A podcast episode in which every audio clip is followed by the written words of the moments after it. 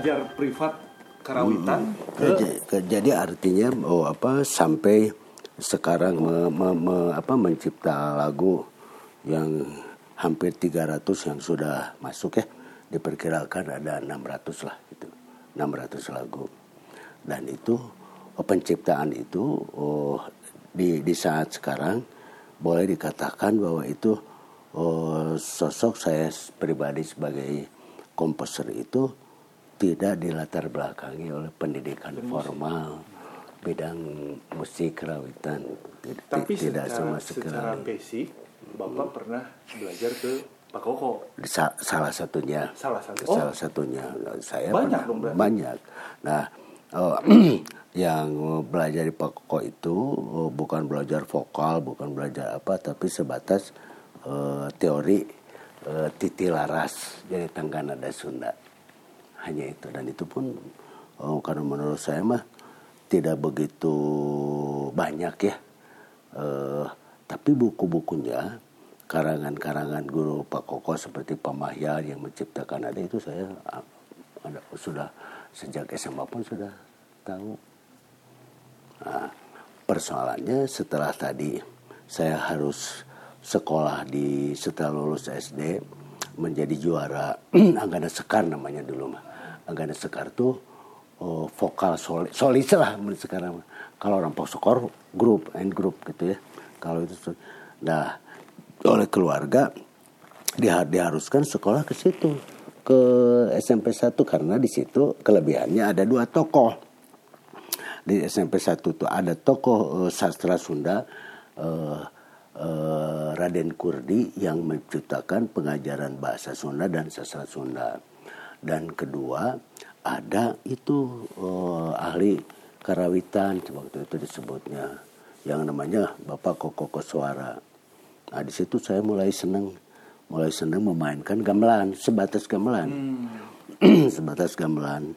Jadi cara belajarnya sangat praktis sekali gitu ya. Sampai kita tuh eh, mudah untuk untuk mempelajarnya. Nah, dari situ ketika saya hmm, SMA sudah tidak lagi bersentuhan dengan alat musik tradisional. Kenapa? Karena waktu itu kita bergabung, saya Gun-Gun, Wandi menciptakan eh, Wandi Group.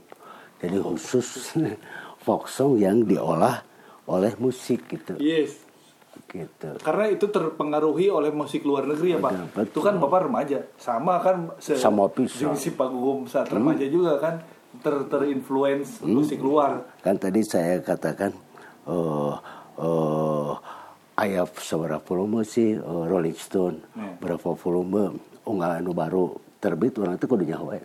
biarpun susah cara mendapatkannya. Terus Gees ya, terus Rolling Stone, Deep Purple, oh itu musik-musik yang sangat menyenangkan ke masa itu. Ya. Sedangkan keluarga mas senang nanti Nat King Cole, Elvis Presley, Nukar itu beda. Tapi karena masa muda sebenarnya Ya, ya, ya. kita mah sudah sudah senang itu gitu, gitu. Terutama yang paling banyak mempengaruhi Beatles dan Rolling Stone. Itu yang paling. Nah setelah itu baru setelah mahasiswa saya belajar musik Queen. Oh Queen. Queen. Queen. Nah, apa itu yang barter?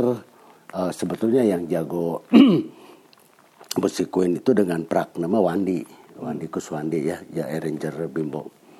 Nah, ka- eh, saya be- eh, khusus belajar bagaimana mengaransir vokal vokal menjadi bukan bukan suara satu dua tiga bukan begitu tapi eh, membuat komposisi oh anu ayana dina jantan film apa itu oh film Queen ayana Oh, Bohemian Rhapsody. Rhapsody. Percis lagu naga eta. Rhapsody tujuh menit sekian saya ingat. Eta nu dianalisis teh. Baru-baru sadar kemarin saya nonton. Gitu. Jadi bagaimana satu bentuk melodi dilipat gandakan jadi dua tilu dua wah, wah, wah, gitu. Ta- eh, tapi tapi musik eh, barat. eh, musiknya mah. saat dibikin eh, mengakui bahwa itu terpengaruh. Bohemian sangat Rhapsody. Eh, bukan hanya eh, sat- eh, Queen aja tapi khusus untuk vokal. Butuh vokal sama Queen betul gitu. Yeah. nah saya barter. Saya belajar itu. Nah saya belajar itu eh, apa Wandi belajar Sunda dari saya. Dan saya saya basic Sunda. Gitu.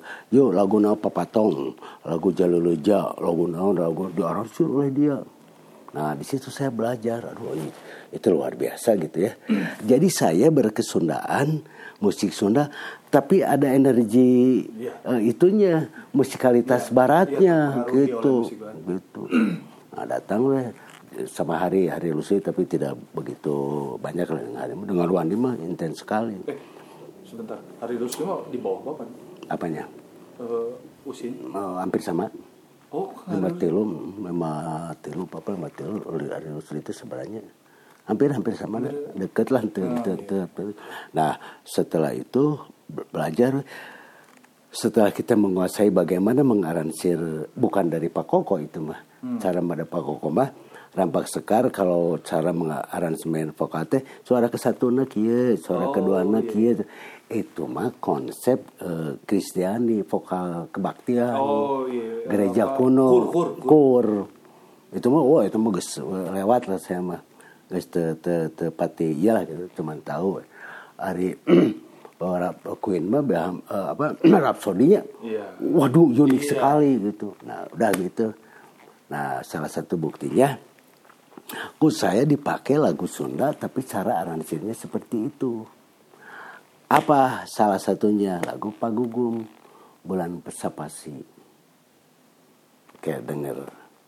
Tidak ini mah bukti sih ya bukti. Nah saya memahami bagaimana cara mengaransir eh, gaya Queen gaya Rhapsody-nya ya, itu ku saya dimasukkan ke dalam Sunda. Dan itu berbeda sekali dengan gaya aransemen Pak Koko maupun Pak Nano atau orang-orang yang berlatar belakang karawitan beda. Bisa ada lagunya bulan kedengaran kayak kira nah, itu salah satu contohnya. Yang kedua ada itu, beberapa. Eh, vokal sih. boys. Oh, boys. Langsung boys. Eh, gaya aransemennya begitu. Nah sekarang itu berkembang. Nah eh, jadi saya bagaimana belajar eh, mengaransir eh, lagu yang sudah ada tapi gaya re reinterpretasi. Ya. bagaimana? Nah sebetulnya untuk vokal tuh saya pengalamannya dari situ dari si Quinta. Tapi yang nunuduh ke Nana Wani. eh, Wani nunuduh ke Nana Oh, tapi Wandi tercengang. Ketika ke orang dipraktekkan di Sunda dia ge kaget. Jadi itu kayak ini dong Pak. ah jadi naon jadi sih oh, Kan kalau sama Pak Koko mah jelas Bapak diajarkan. Diajar, sedikit- dia mah kan mengagumi lagu itu Begitu. kemudian mem- menghayalkan. Mm, mm, t- tapi Jadi, secara secara ini nggak pernah punya guru nggak punya karena itu mah punya. krea- hasil kreasi Kasih pengaruh itu. Jadi sa- saya selalu bagaimana setiap pengaruh yang masuk itu direinterpretasi oleh imajinasi sendiri. Nah itu jarang orang yang begitu. Kenapa? Karena tidak ada hasil penciptaan yang original. Hmm. Prinsip orang ciptakan dia kayak dia itu tuh sebetulnya saling pengaruh. Nggak ada nggak ada yang oh betul, hanya Tuhan lah yang bisa gitu sehingga dengan demikian maka saya punya prinsip dalam berkesenian itu ya, harus sampai kepada imajinasi reinterpretasi nah, setelah reinterpretasi baru membuat kreativitas berdasarkan interpretasi iya. orang berdasarkan Ah, penyadapan. penyadapan itu. Nah, apa itu pendekatnya inovasi. Nah, sejauh mana inovasinya baru atau orangnya itu mah tantangan ya, tantangan. Tetapi saya buktikan bahwa kalau tradisi, musik tradisi tanpa inovasi itu tunggulah kematian. Pa- Pasti satu saat akan apalagi kesenian yang eh, tidak punya daya tahan hidup seperti Cigawiran dan Cigawian itu sebetulnya sudah tidak pernah eh, punya daya hidup dibandingkan dengan Cianjuran. Cianjuran mah sampai ke itu karena dia punya ketahanan keta- daya hidup seninya itu tinggi. Sehingga orang sulit untuk merubah atau mengembangkan atau apa. Tidak, hanya orang-orang cerdas dan punya konsep yang bisa merubah Cianjuran. Apa itu yang disebut konsep? Ya harus tahu historisnya, menikmati dan belajar Cianjuran tanpa tahu histori dasarnya tidak mungkin. Hmm. Jadi eh, kalau misalnya musik pop hanya musik karya Aji misalnya dengar selesai. Tapi kalau mendengar Cianjuran mah harus ada latar belakang dulu latar belakang sejarah kesundaannya, kepajajarannya, proses penciptaannya, dan aktualisasi untuk uh, apa uh, sosialisasinya. Karena dulu jenis-jenis itu ada hanya ada di lingkungan tertentu, nah, sehingga sulit orang untuk mendengar itu. Tapi apa sekarang oh, sudah berkembang. Kalau anjuran waktu itu tidak dipublish, wah mati waktu itu karena hanya untuk mengapresiasi itu aja di situ harus. begitu. Jadi saya berpikir ya kudu tidak uh, harus masal tetapi tidak tidak harus masal seperti musik-musik non non klasik lah gitu. Maka Cianjuran mah itu adalah musik kamar. Jadi musik yang ter, terkungkung oleh satu uh, uh, ruang tertentu. Sama jadi klasik juga tapi karena di kelas aku sama alat-alat obat jadi buruk wah jadi tapi tetap uh, klasikal. Nah setelah itu berkembang berkembang berkembang saya mulai masuk ke dunia tembang. Tapi aneh masuk ke dunia tembang itu awalnya bukan vokal yang menarik itu. Yang menarik itu adalah justru uh, musik nah instrumental hmm. pengiring lebih tertarik ke instrumennya itu. maka setiap lagu-lagu yang mempunyai aransemen tersendiri namanya gelenyu itu saya rekam dari mulai toko-toko di Cianjur, di Garut, di Bandung, di Tasik semua saya rekam. Udah papai pak. Oh, sampai ada di Cianjur namanya Mang Caci. Dia sudah ini sudah uh, stroke, tapi dia jago man.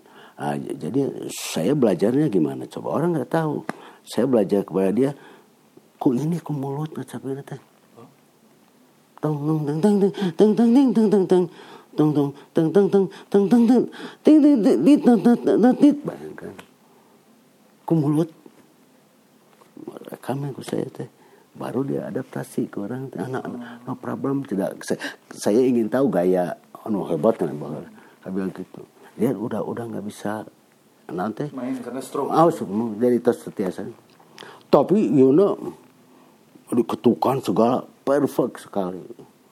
Serius di, direkam nah jadi uh, lebih kepada uh, belajar instrumen awalnya itu.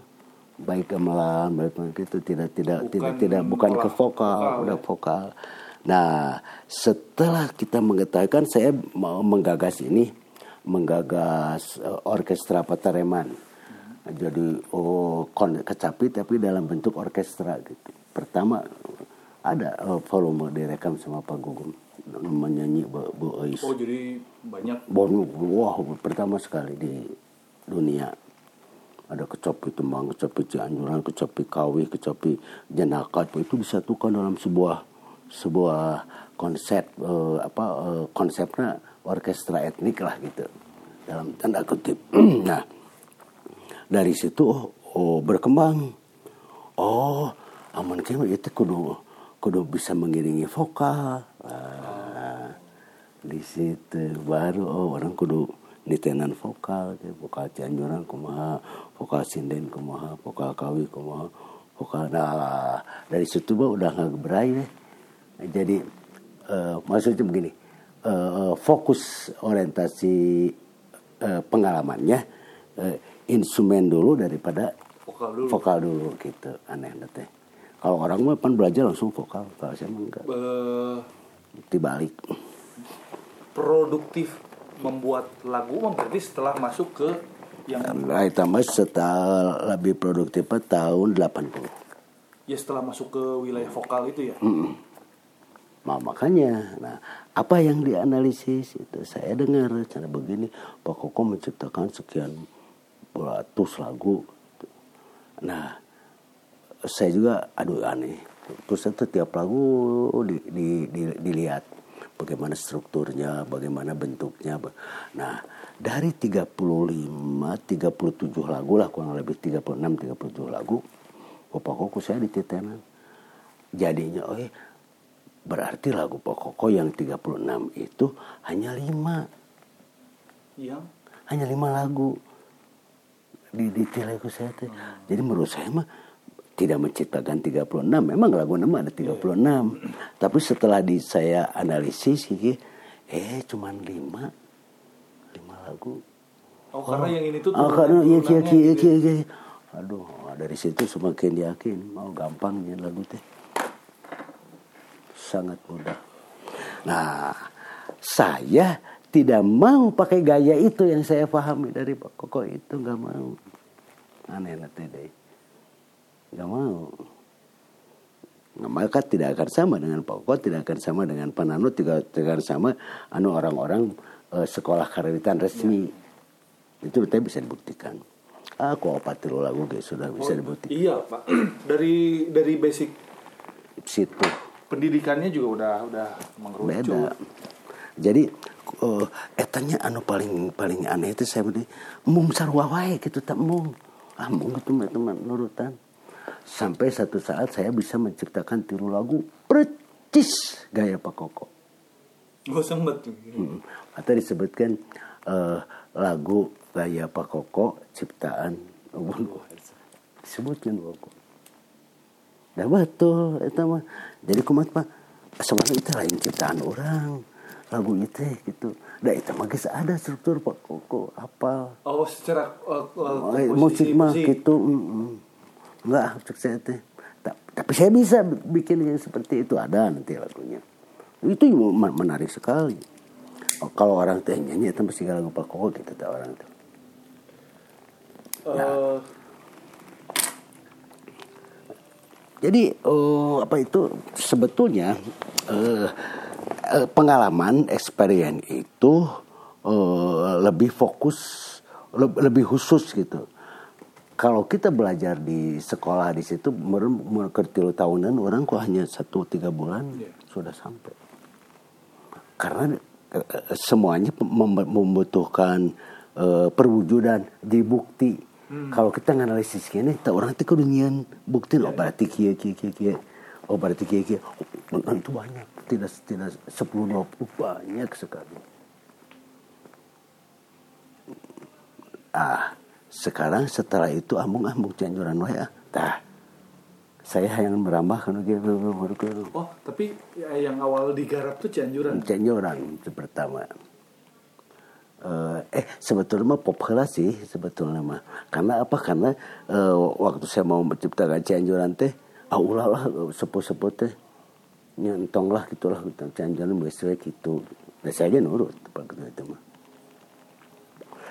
Nah tahun 96 pasang Giri Damas e, berkesimpulan harus lagu baru. Nah di situ jager saya cipta itu maka tadi kan saya sudah bilang e, begitu sulitnya kita mendapatkan referensi untuk e, sumber-sumber penciptaan Sedangkan generasi ayah namanya milenial itu sangat mudah mau mau ingin musik apa, ingin gerak apa, ingin apa di dalam YouTube itu ada tinggal semua. ada semua. Hmm. Nah gitu.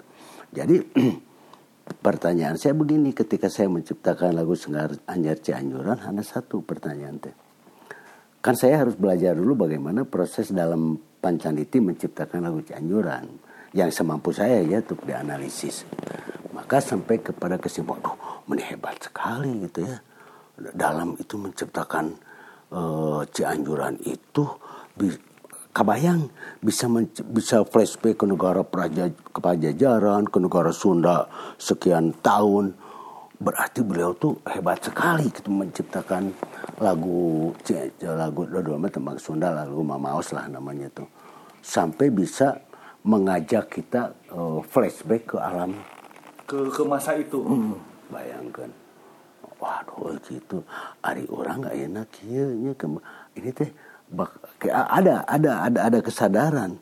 Kayak itu bakal alus mana gitu orang itu mencipta teh mapakan mua kira-kira Hmm. begitu. Maka pertanyaan begini. Hari waktu dalam Pancaniti se seabad yang silam menciptakan lagu dia pendengarannya konsen kepada Oh. Sunda. Tidak ter Tidak mendengar apa-apa terkontaminasi Tidak apa. terkontaminasi musik lain. Maka pertanyaan saya begini. Kalau dalam Pancaniti 100 tahun ke belakang menciptakan Cianjuran itu sudah ada mendengar Michael Jackson, mendengar Deep Purple, mendengar klasik-klasik Beethoven, mendengar uh, Beatles, mendengar Rhapsody atau Queen, apakah si karya itu akan original seperti itu? Nah, itu pertanyaan yang saya yang mengeluarkan jawaban, eh saya yang mengeluarkan pertanyaan dan saya yang harus menjawab pertanyaan itu. Nah, gitu Pak. Jadi eh, konsep musikalitas itu eh, didapat oleh proses eh, experience pengalaman yang Iya. terus konsisten. proses ber- proses sosial berarti ya, Hmm, bukan makanya. proses pendidikan. Kenapa? Karena dalam proses sosial itu ada fenomena sosial. Eh Cianjuran teh kieu masyarakat teh. Oh. Eh kawih teh kieu. Eh keroncong teh kieu. Eh musik rock teh kieu nya. Eh musik klasik teh begini. Terus eh, apa itu eh, kontemporer yang sekarang berkolaborasi itu begini. Semua itu punya Punya efek sosial. Dan itu yang dipelajari oleh Kobun ya. Hmm, nah, eh, dalam pengertian eh, apa sih yang bisa kita secara esensial yang bisa tarik dan bisa kita aktualisasikan dalam konteks kekinian. Maka saya berkesimpulan, begitu mah Cianjuran kudu di eh, kudu aya inovasina. Yes. Kawih kudu aya inovasina, kudu diredefinisi pengertian lagi naon gitu. Nah, terus sekarang tantangan zaman. Apa yang disebut tantangan zaman itu adalah eh, kita harus berani memprediksi kemungkinan masa yang akan datang ya oh, oh, gitu diciptakan eh, sebuah komposisi baik itu lagu tari atau apa tetapi sudah dengan sadar diproyeksikan bahwa itu untuk masa yang akan datang. Biarpun orang tidak senang untuk sekarang. Oh, iya maka terjadi sakit kontradiktif. Itu Ah, jadi oh, eh, kesimpulan sementara bahwa jawaban untuk melestarikan seni tradisi Sunda baik itu tari, baik itu sastra, baik itu eh, vokal, musik dan sebagainya itu hanya ada menurut saya ya. Jawabannya adalah inovasi, keberanian dan eh, apa eh, untuk membuat konsep-konsep yang sifatnya inovatif.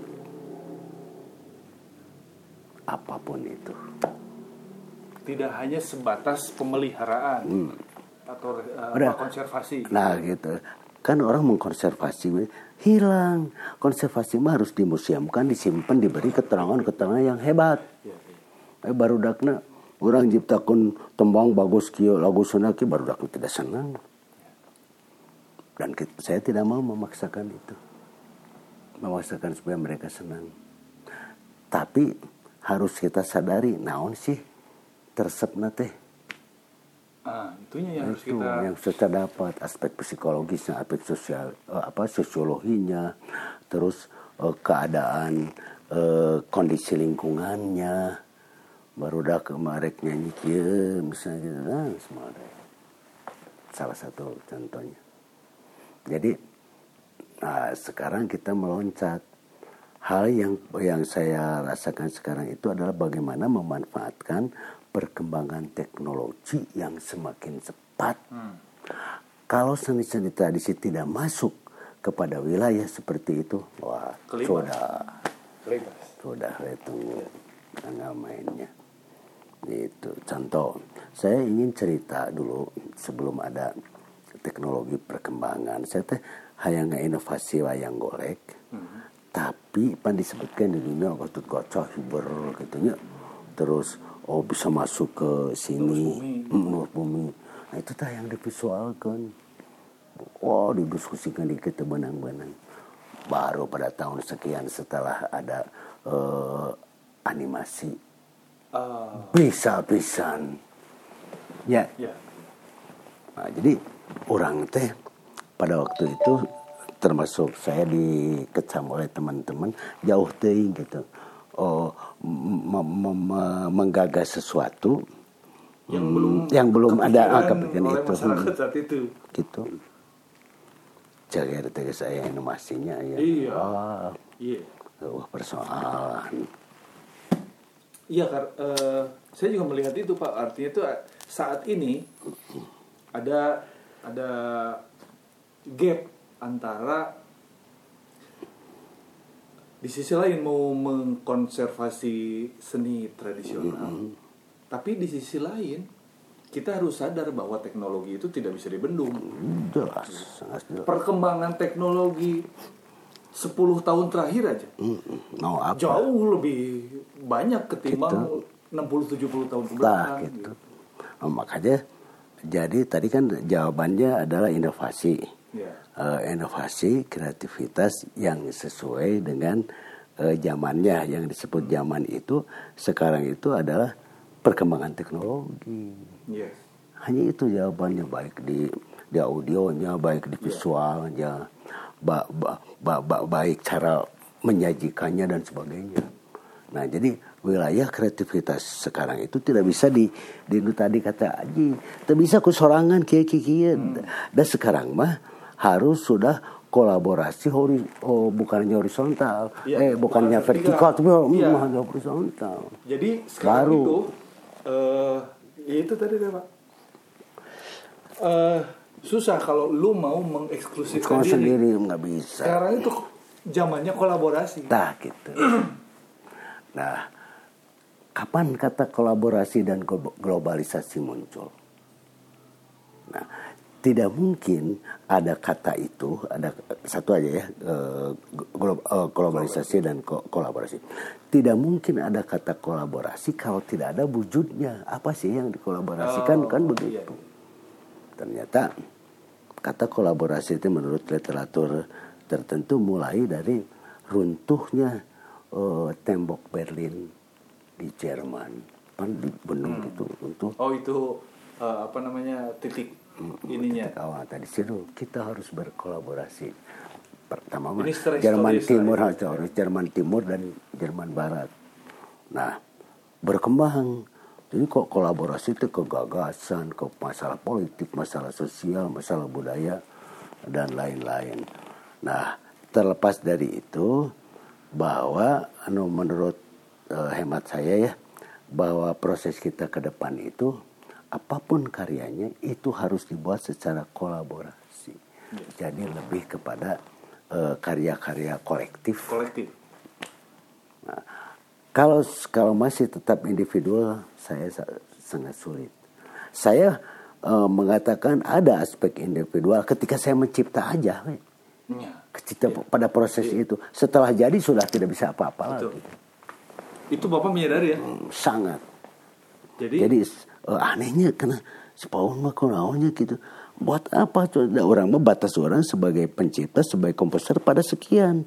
Ti dia ka dia mau mau bisa nanaon. ya. Mending orang mencipta deui. Nah, di situ terjadi apa yang disebut karya kolektif atau karya komunal. Ah, betul. Komunalisasi cuman komunal itu kudu sebenarnya antar seniman. Seniman musik atau jeung seniman eh, seni rupa misalnya. Seniman musik dengan seniman audio dengan audio visual dan segalanya. Itu tantangan yang disebut tantangan zaman ke depan. Betul. Mata mau eh, kita kerucutkan. Jadi fungsi aji di sini, fungsi ya di sini. Itu penting kita berkolaborasi. Sangat penting. Oh, ti- tidak usah berada di satu kubu. Hmm. Betul. Kenapa? Karena begini, ketika saya mendengar lagu yang tidak lagu saya yang tidak enak, sakit. Kok mau batur? Dari sekian lagu ini, lagu ini, sampai saya berkata, kunaon orang pakai nyanyi lagu gitu, gitu. Protes dalam diri itu. Oh ada gitu. ya? Aduh gitu. Aduh. Itu yang dipakai sampai gitu. Mau dipasang herikan ulah. Kata saya sendiri, waktu batu teh aranehan, kunaon Paul. Eh jangan. Padahal batu mah biasa we, tidak ada masalah. Nah itu sebagai kontrol oh waktu orang menciptakan itu tidak totalitas Hmm. tidak melalui satu proses kontemplasi yang yang akurat jadi ah kieu we kieu kieu kieu kieu. jadi Nggak optimal gitu hmm, ya sih. karasa geus kita eh kenapa make saja make nyenu gitu gitu oh itu lama apa yang di, dari pertanyaan itu timbul satu jawaban oh eh nyipta teh kudu totalitas. Nyipta teh kudu spiritual entong hayang kapuji entong hayang laku entong hayang kieu nyipta mah nyipta we ternyata lagu iya lagu iya lagu iya begitu didengar teh aduh tentram kepada hati teh. Contoh daling ding asih tahun sekian ku ibu ois ku ibu tati wah semua. Oh itu keur totalitas. Nah jadi ketika saya mencipta lagu sekarang di wilayah genre populis kan harus ringan harus ya nggak ada masalah. Orang teh kan baik lagu gitu nu penting mah ada rasanya ada tamparan rasa tes itu. Biarpun sekian persen. Saya justru mau muji Pak Ubun Gitu. eh, mau menciptakan lagu yang di wilayah populis yang eh, notabene cetek lah buat Pak Ubun Hmm, Pak. karena untuk untuk sebar tahun orang tanya Iya, tapi maksudnya eh, mau tak? Tapi kemudian juga saya menyadari karena Pak Ubun mau mau eh, masuk ke wilayah eh, eh, eh, apa ya? Dia populer gitu, populer secara massal. Pa- Padahal sebetulnya saya seri gitu. Kamu saya nyaptu nyap, nyiptakan lagu iya lagu iya lagu tak tak ayah ayah ego nah lamun sekelas kia kia juga orang bakal meledak deui ge bakal meledak deui karena tahu formulanya oh, oh, oh kadi terbuka ke masyarakat Iya. tapi secara konsep ah itu kudu dijieun mah nya orang terus-terusan Iya. gitu ah aya aneh jadi beberapa tahun tidak mau gitu. Tapi saya teh bisa anu gitu mah gitu. Tapi kan we tahu bagian si anu, si anu si anu karunya jag jaga RT si Adi minta lagu kolot kalapa kerita diciptakannya di studio lirik tadi maledok gitu. Kolot kalapa sama bulan priangan anu kumaha jadi bagi saya kia ya jangan teh kunaon pan banyak protes ke saya teh. Kunaon Pak Un masuk wilayah begitu. Begini persoalannya. Saya mah lagu anu kelas kieu pan. Aya Daihatsu nya terus aya mm, apa itu no, meureun bed itu nama Nissan lah. Sampai Mercy sampai Lamborghini sampai apa Da orang mah sekelas Lamborghini bisa geus nyieun. Sekelas eh, apa itu Messi-nya baby pants bisa kieu kieu ngan ieu nu dijieun teh. Nah, kieu ya kunaon sok jieun. Ketika saya membuat ki- kita tidak merasakan udah orang mah geus tahu nu gieuna. Jadi tidak ada masalah saya. Pencap titik atasnya sudah Hmm, kena sudah duluan. ketemu. Gitu. Ah mau ah tuh orang teh. Oh tentu hari itu mah da berangkatnya tindak polisi iya teu bisa nyieun sekelas klasik ukur Iya. cumatang Iya. kan bisa.